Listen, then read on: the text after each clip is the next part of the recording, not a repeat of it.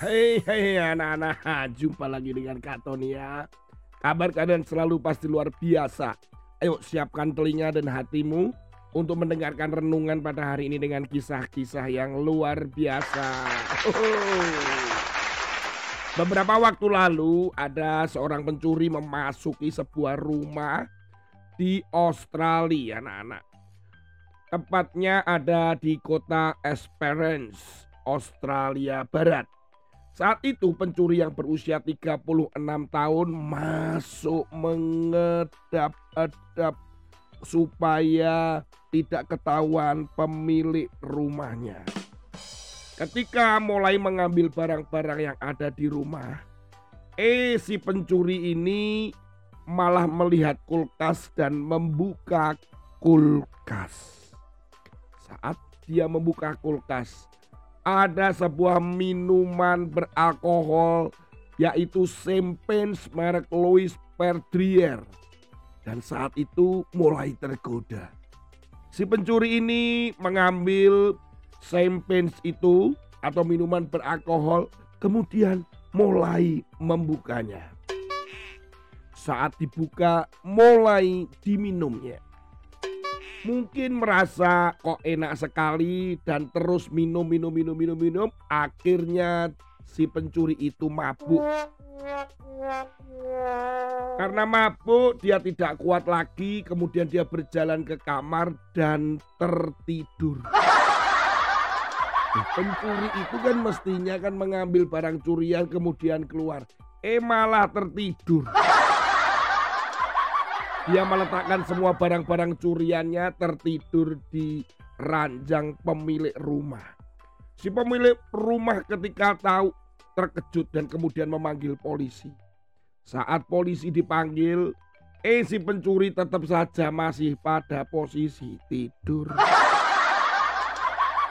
Sampai bangun langsung diborgol oleh Pak Polisi mungkin pencurinya juga bingung ya. Kenapa kok saya ditangkap polisi? Ya ya kamu pencuri. Nah.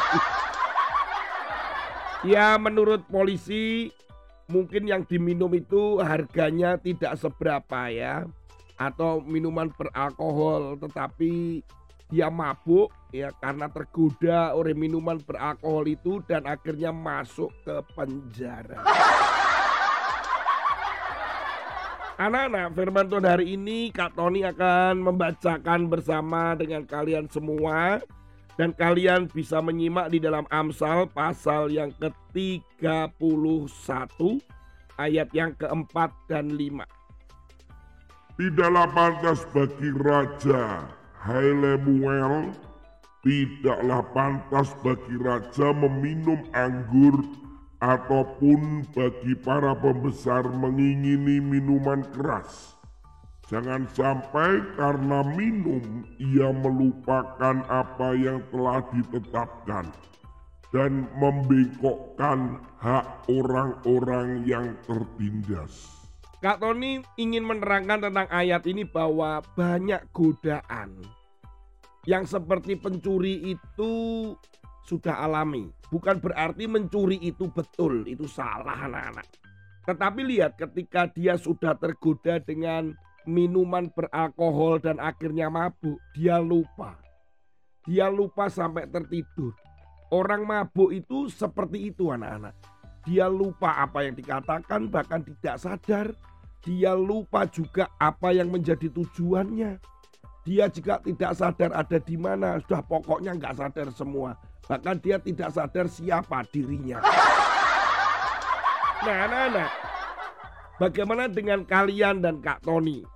Seringkali kita tidak bisa fokus, kita tidak bisa mengerjakan satu pekerjaan yang akhirnya itu terbengkalai dan tidak selesai. Kamu mengerjakan PR, ada proyek, dapat tugas dari mamamu atau papamu.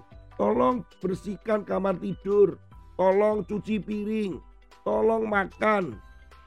Mari kalian harus belajar dan seterusnya.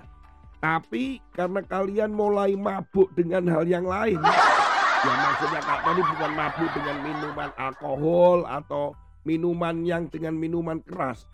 Tetapi kalian asik dengan mainanmu.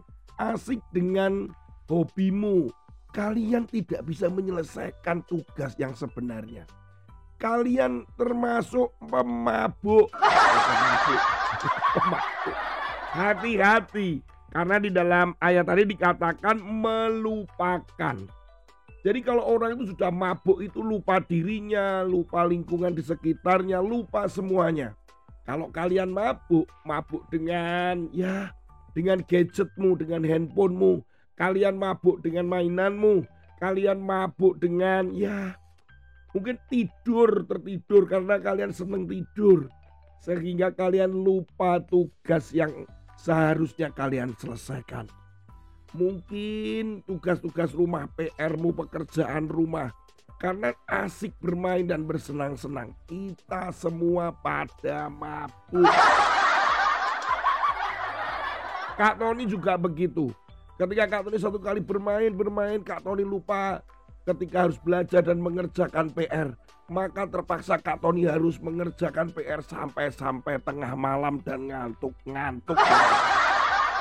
Ya kenapa? Karena Kak Tony sudah mabuk dengan mainan. Kak Tony sudah mabuk nonton TV. Kak Tony sudah mabuk. Kak, Kak Tony nonton ini, buka ini, buka itu di internet. Aduh, semuanya jadi kacau.